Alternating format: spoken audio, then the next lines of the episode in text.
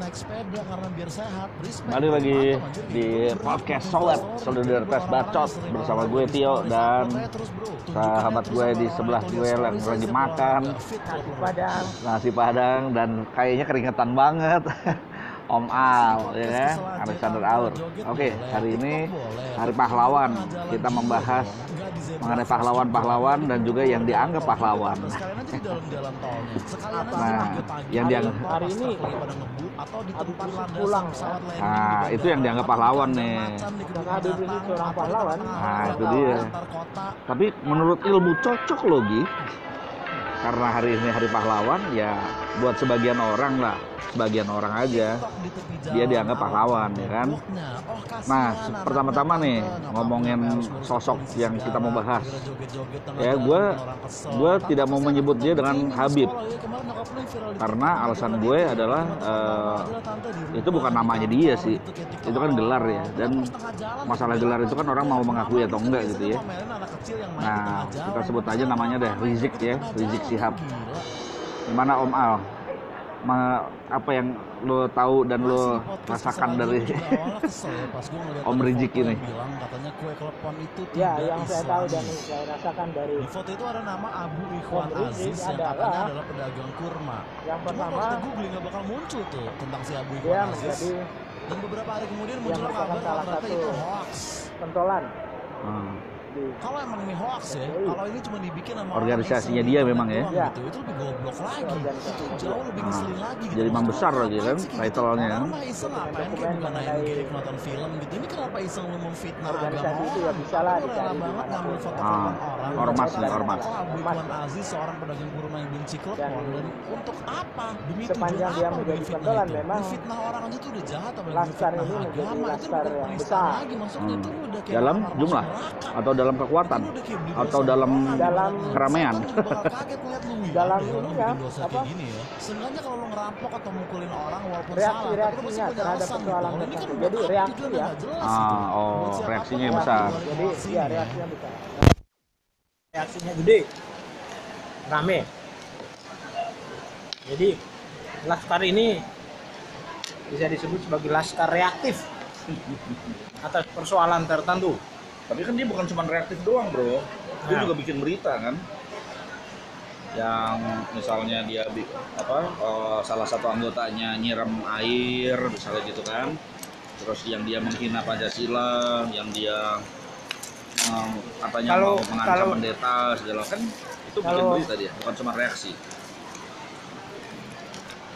beritanya ya tentang reaksi itu Ah, tapi kalau ngomong berita memang media sekarang itu kita perlu melihat kembali ya mendefinisikan kembali hmm. nilai berita itu apa apakah nilai itu selalu nilai yang baik Hmm. atau nilai yang misalnya membuat membuat keributan itu pun Ah. juga sebuah nilai berita gitu nilai negatif malah ya.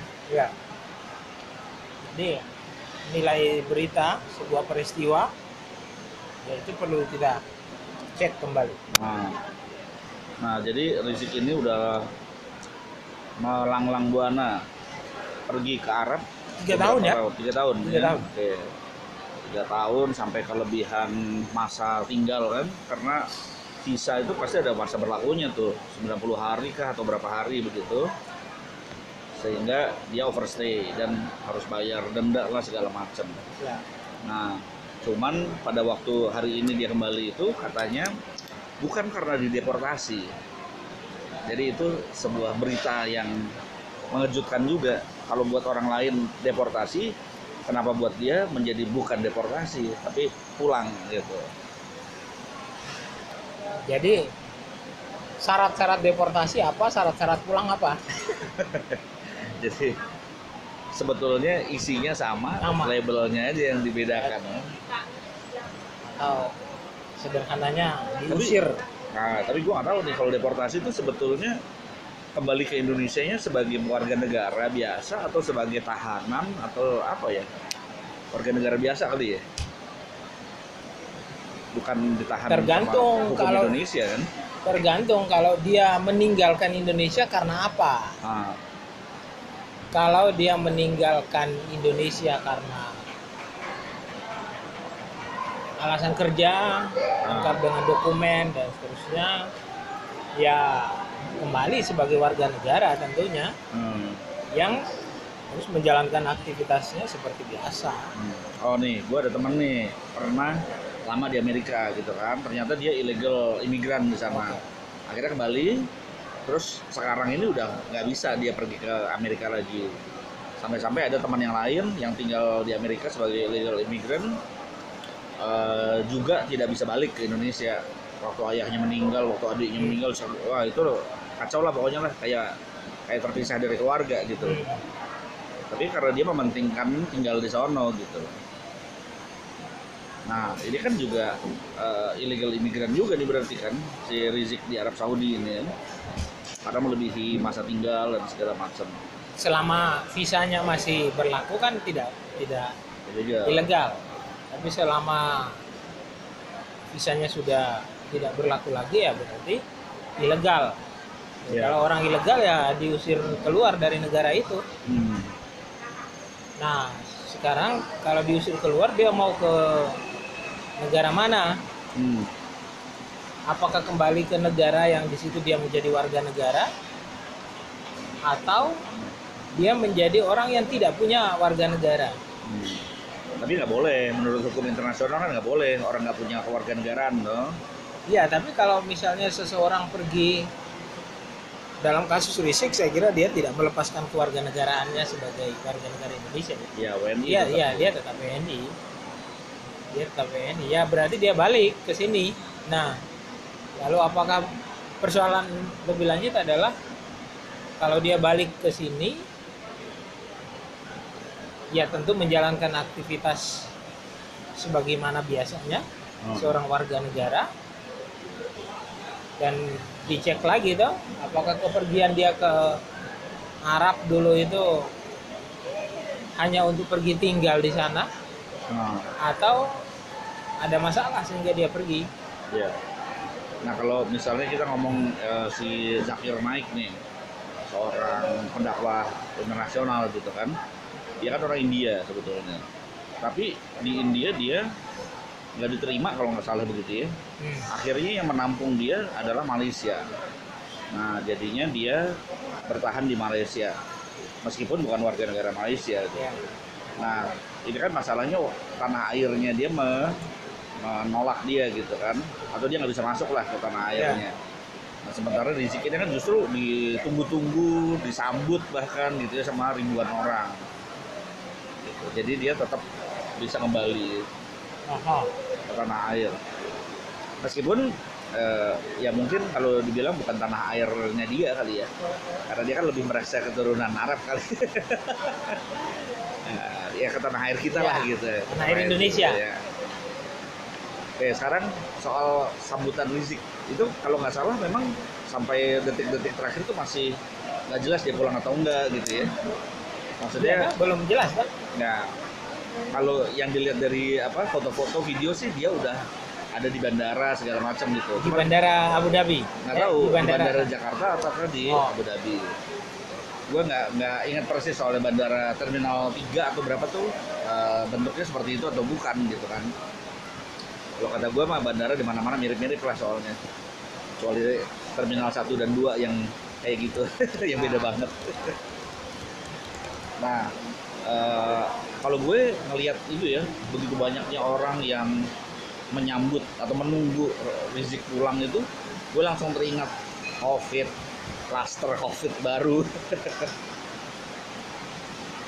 nah Terus? itu ya mungkin kalau menurut gue sih ya ada baiknya juga gitu ya, supaya mereka me- kelihatan kan bahwa mereka mementingkan yang dijemput daripada kesehatan dirinya sendiri gitu. biasanya kan orang-orang nekat yang bisa melakukan itu Ya karena fanatisme gitu ya. dan kenekatan itu bisa karena fanatisme bisa karena cinta buta Oh, bisa karena nggak mikir. Bisa bukan karena gagal move on, gagal mikir bisa juga karena apa eh, nggak mau peduli dengan orang lain. Oh, macam-macam. Orang nekat itu kan nggak peduli dengan orang lain. Iya. nggak bisa nggak peduli mikir dirinya sendiri ya. nggak peduli dengan dirinya sendiri. Kemudian eh, masalahnya orang lainnya itu adalah keluarganya dia sendiri bukan kita nih bukan gue bukan lo gitu kan nah boleh jadi mungkin di dalam keluarganya juga sepaham Hmm. Jadi kalau sudah ada kesepahaman, konsensus, jadinya no problem gitu ya. mungkin bukan konsensus ya kesepahaman atau Kesep- ya, atau apa ya semacam pengertian lah ya. Oh ngerti deh dia mau jemput gitu kan. ya bisa juga seperti itu ya pengertian dalam dalam arti dalam arti ya kalau mau dilihat lebih dalam mungkin dia cinta ya Hmm. cinta pada sosok yang dijemput gitu. Ya, tapi cintanya kan cinta buta ya. Nah sekarang nih jam berapa nih? 12 20 kira-kira ya. ya Di Tangerang nih hujan deras banget nih. Hujan deras banget. Nah, bandara itu kan di Tangerang juga, Bro. iya bro ini Karawaci Lo bayangin tuh. Karawaci hujan deras ribuan orang mau ngumpet di mana itu? ya di kolong tol Tolong tahu ya. iya Terus mobil nggak bisa lewat. Bodo amat kata dia. Amat. kolong tol belum lagi kalau nanti ntar bandara banjir Nah, Itu jalan tol itu banjir jalan tuh banjir. Iya, iya. asik dah Tinggal cari apa namanya eh, batang-batang pohon untuk jadi rakit atau bawa balon berenang ban ya cari ban dalam mandi sauna eh aku mandi sauna renang gratis. Ya. Nah di atas rasa kemanusiaan kita yang tinggi ini. Sih Ih. bacot ya Masa? jadi kita merasakan kasihan juga buat mereka yang kehujanan karena menjemput sang junjungan. Ya itu yang tadi gue bilang cinta buta itu. Ya. Cintanya kalau cinta itu buta kenapa pakai bikini? Ah, belum pikirin Iya. oh padahal buta dia. Iya nah ini bener nih karena cinta buta dia bilang badai hujan abang lewati katanya. itu demi ketemu dengan si Neng katanya kan. Kalau neng. Kalau si siap gombal kan gitu. Siap. Itu kayak film-film zaman Roma Irama. Wah. eh Benyamin. Men zaman Benyamin. Kalau Roma kan sama Ani. Oke lanjut. Mengenai Rizik Sihab ini gue tadi dapat rundown bos. Gue dapat rundown kiriman gitu ya dari bandara menuju ke Cikeas. Gitu katanya kan. Kenapa ngapain kira-kira di, mereka ke Cikeas ya di rundown itu? Ini kan cuman eh, nggak tahu bener nggak tahu nggak ya. Ini kan cuma kiriman-kiriman nih. Seandainya itu benar ngapain menurut menurut lu menurut Om Al ngapain Rizik Sihab ke Cikaya Cikeas? Nah kita lihat peta lah ya. Hmm, kita lihat peta geografinya dulu Cikeas, Cibarusa, Cibubur, Cipayung, Cilangkap. Itu adalah eh, jauh dari Petamburan bos. Oh jauh? Jauh. Itu teritori hunian eh, militer. Oh oke. jadi para eh, anggota militer? Ya mulai dari kelas jenderal sampai kelas eh, Kopral. kopral. Itu daerah huniannya itu apa aja Cikeas Cikeas, Cibarusa, hmm, eh, Cilangkap. Cibubur, Cilangkap, Cipayung, pokoknya Cici itulah. nah, Nah, itu area hunian area hunian anggota militer anggota militer itu. Oke. Jadi kalau arah ke Cikeas ya, tapi kan dia bukan anggota militer Ri. Rizik Sihab ini kan bukan anggota militer tapi kan bisa aja kan siapa saja bisa gunakan dia tuh. oh gitu ya jadi mungkin ada dalangnya di sana gitu ya Entah dalang kah atau teman oh, kah, kangen atau dia rindu-rindu kah. kalau cuma zoom meeting kurangnya Enggak. kurang abdol Udah tiga tahun, Bo, nggak ketemu. oke jadi mungkin ada pertemuan Jadi kalau- penting di sana ya Pertemuan penting. Kalau ke Cikeas ya karena Ya, Gunung. Putri itu kan bos di sana Putri, oh Gunung Putri, Iya. Gunungnya Putri. Gunungnya Putri Yes. Mungkin, Nah, pokoknya termasuk Gunung Putri itu ya, daerah hunian lah itu. mungkin dia mau mencari uh, wedding organizer. Katanya kan dia pulang untuk menikahkan anaknya. Oh, Uh, si siapa? Najwa. Najwa Sihab. Tapi bukan yang presenter. Anaknya ada nama Najwanya juga. Oke. sehingga kan apa uh, portal berita itu bikin Najwa Sihab akan menikah gitu-gitu. Itu clickbait aja itu pada bukan Najwa Sihab Mbak Nana bukan. Mbak Nana mah udah punya anak gede lain lah levelnya lah Ya. Mungkin juga ya kalau sihab sama sihab tapi beda itu kali ya. ya bisa Beda- beda klan Beda opung, beda opa. gitu. beda umum beda nasib juga Beda nasib. beda nasib Oke, Nah, ya. kalau dia ke Cikeas ya kita lihat tadi yang pertama adalah peta hunian ya. Ah, Yang pertama. Kemudian yang kedua eh, di sana kan ada markasnya mantan, sang mantan. ya. Ya mungkin dia ke rumah sang mantan. Oh, tapi kita nggak tahu ya. Mungkin, mungkin. Mungkin. Namanya mungkin mah. Mau ke rumah sang ya. mau ke rumah sang mantan juga nggak apa-apa, boleh-boleh aja. Nah, Sah-sah saja. Kalau sang mantannya ada di sana berarti pacarannya jauh juga dulu ya. Wih, ini long distance relationship. Wis LDR. yoi. LDR gue taunya kamera analog. Oh, itu DSLR. Ah, DSLR.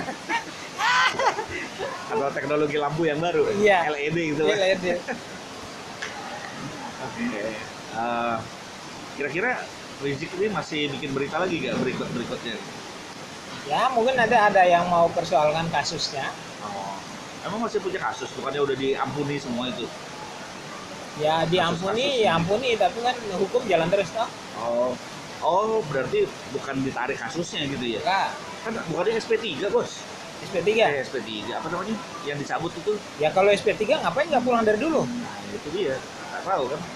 Apakah semua kasus-kasus yang menyangkut dirinya itu dicabut atau cuma sebagian? Ya, bisa jadi. Tapi memang dia banyak kasus sih. Menghina, dianggap menghina Pancasila. Pancasila, macam-macam lah. Ya. Nah, sekarang kan banyak nih podcast-podcast nih bro. Deddy Corbuzier, Helmi Yahya, si bos Mardigu misalnya gitu ya, yang Gisel. Beda, ini politik dulu bos. Apa itu? Kirain Gisel. Nah, kira-kira sesudah pulang nih, kira-kira akan datang nggak dia? Akan diundang nggak sama para podcaster yang top-top ini nih? Kayaknya diundang. Gitu ya. Karena duit, Bo. Clickbait atau Ah. pemirsa lumayan follower-follower Ah, atau narasi sihab gitu, apa Iya. Najwa sihab itu kan? bisa. Bisa aja mah. Indonesia mah apa sih nggak bisa? Ya, tebak-tebakan. nggak ada. siapa yang pertama kali eh, nerima dia atau me- me- meliput dia menayangkan Rizik Sihab dalam podcastnya atau dalam Oh, atau mungkin dalam sih podcastnya? itu sang mualaf Deddy Corbuzier. bos jadi Corbuzier Ya, Deddy Corbuzier. kan angkat berat Hitam putih ya. Hitam putih dengan statusnya sebagai sang jadi mualaf, Corbuzier show dong sebagai sang mualaf punya nilai jual lah. oke Itu bagus lah. Bisa jadi daya tarik.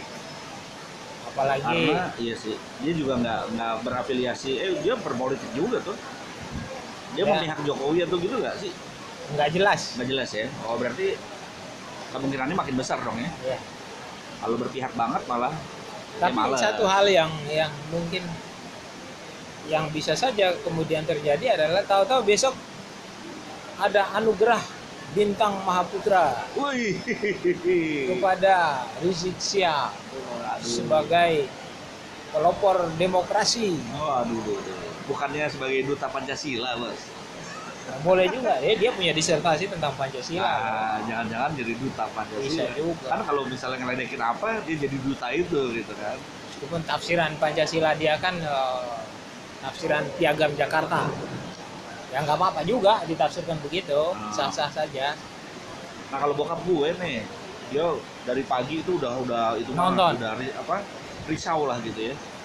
Wah, yuk Eh, pulang. Ya udah sih biarin aja gue bilang gitu kan. Iya, tapi nanti apa eh, rusuh gitu, gitu apa rame lah, ya nggak apa-apa rame juga gitu kan. Masuk masuk kalah sama seorang Rizik doang gitu kan gue bilang. Nah, ngeliat dari foto-foto nih, kan ada eh, Jam berapa dulu ngomong-ngomong? Belum kan? setengah Masih. Ada deretan mobil-mobil tentara, ada banyak lah tentara yang polisi bahkan yang bersenjatakan AK-47 gitu-gitu ya, Eh, mengawal mengawal penjemputan ini. Nah, bagaimana lo melihat itu? benar nggak bakalan rusuh atau gimana? Ya Kemarin kalau kalau oh, tipikal penjemputnya itu adalah bukan eh, tipikal reaktif, Hmm. artinya tipikal warga negara yang tertib, Hmm. Ya nggak perlu ada kawal mengawal seperti itu. Tapi saya kira polisi tahu betul, paham betul, ya polisi paham betul bahwa tipikal penjemput itu kan tipikal manusia reaktif ya, Hmm. yang seperti sudah dibilang tadi manusia reaktif itu manusia yang bikin dulu baru eh, buat dulu baru mikir Hmm. mikirnya telat Impulsif berarti ya. Dia Ya. mau yang apa langsung. pokoknya kalau hasratnya bergerak ya ikutin Betul. aja jadi pengawalan itu bukan karena kepahlawanan Yang dijemput. yang dijemput Oh. tapi ya untuk mengantisipasi dampak dari uh, watak reaktif para penjemput. Ya yang dijemput mungkin juga biasa-biasa aja, Iya, iya. biasa-biasa aja.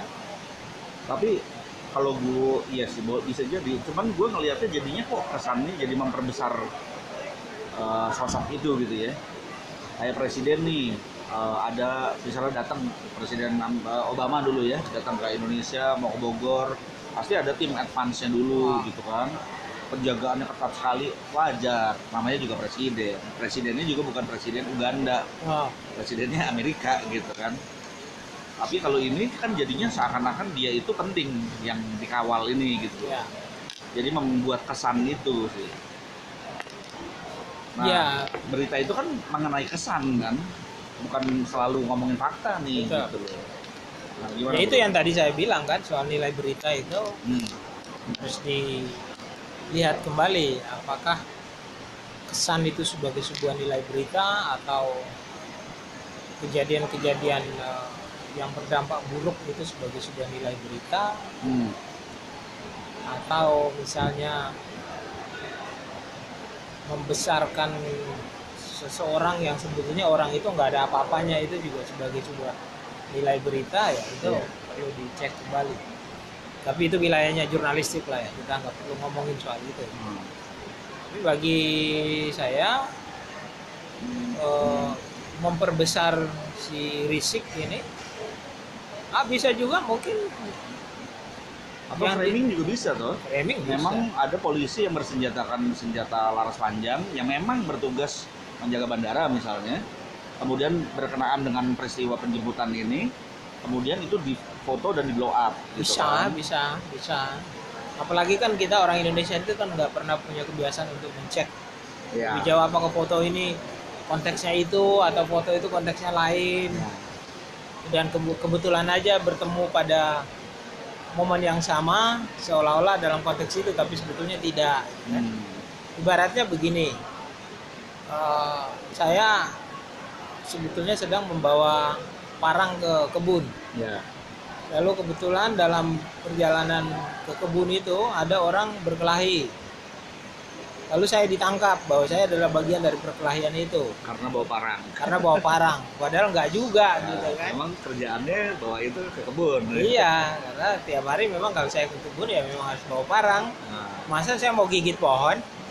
nah dari sini nih eh, para sobat mesti tahu ya jadi parang itu adalah alat kerja Oh, iya. bukan alat berantem Iya. nah, iya? Dan kalau polisi bawa senjata itu belum tentu dalam rangka berantem. menembak orang atau dalam rangka mengancam orang atau Ya. dalam rangka eh, mengadu domba orang ya belum tentu.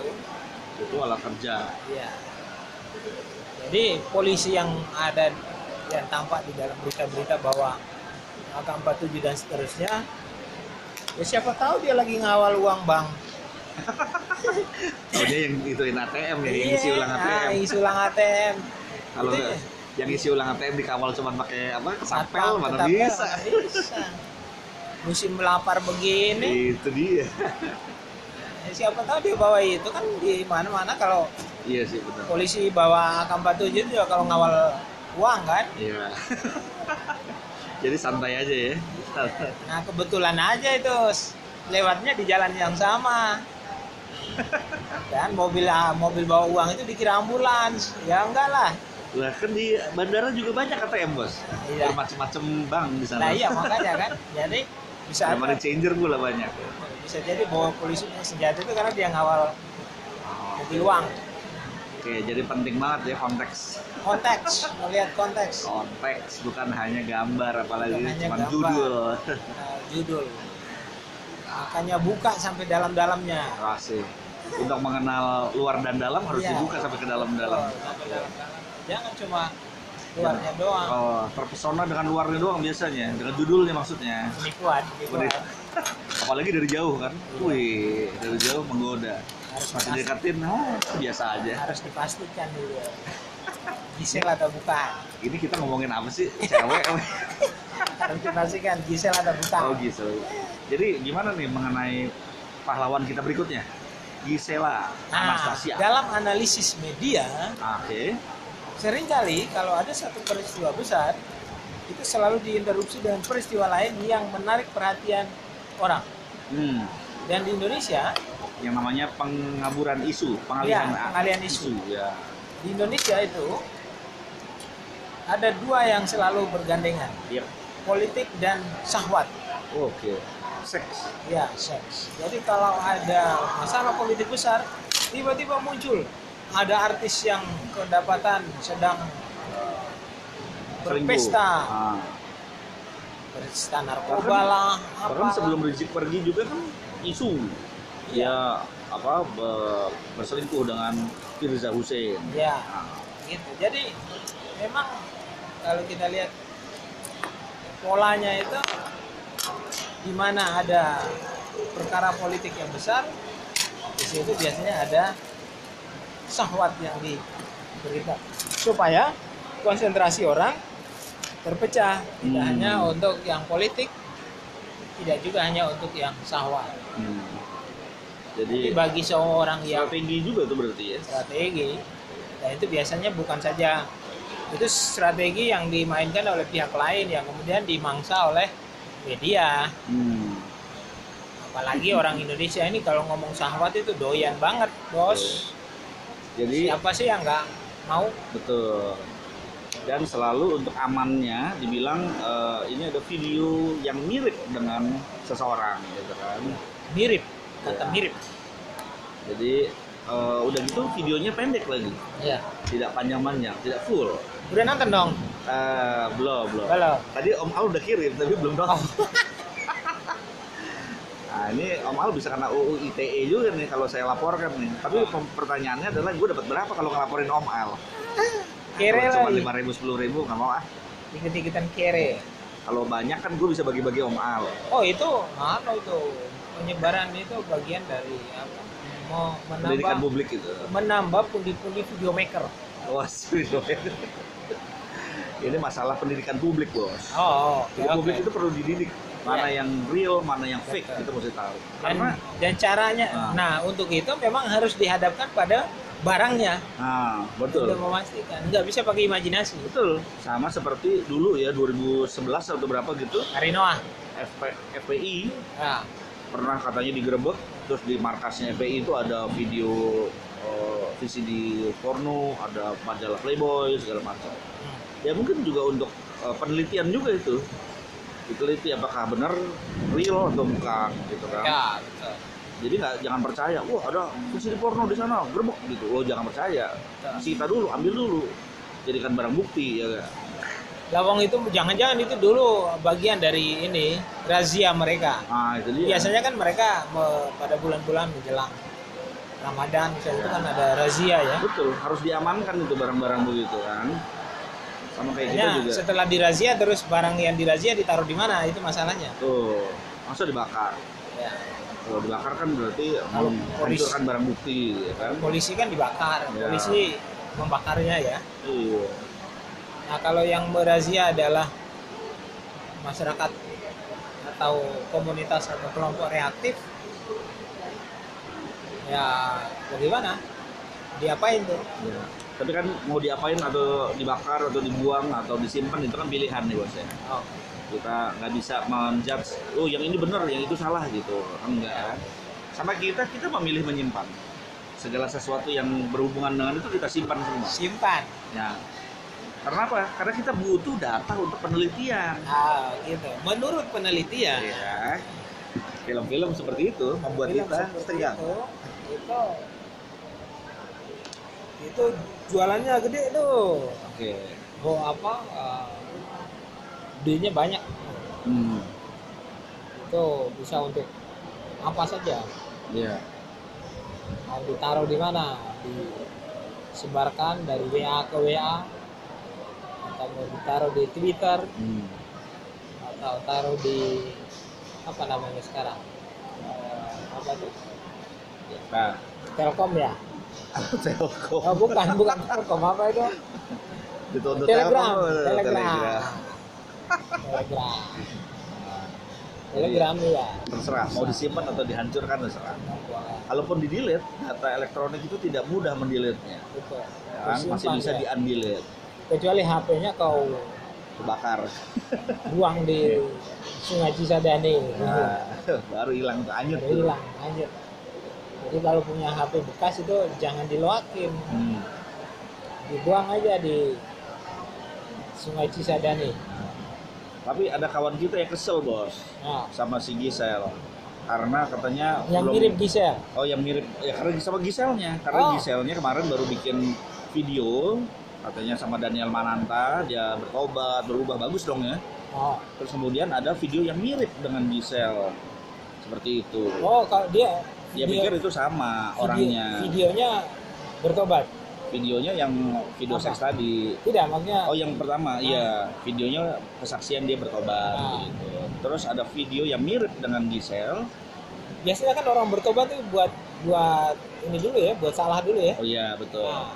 Habis dia buat salah baru bisa bertobat ya.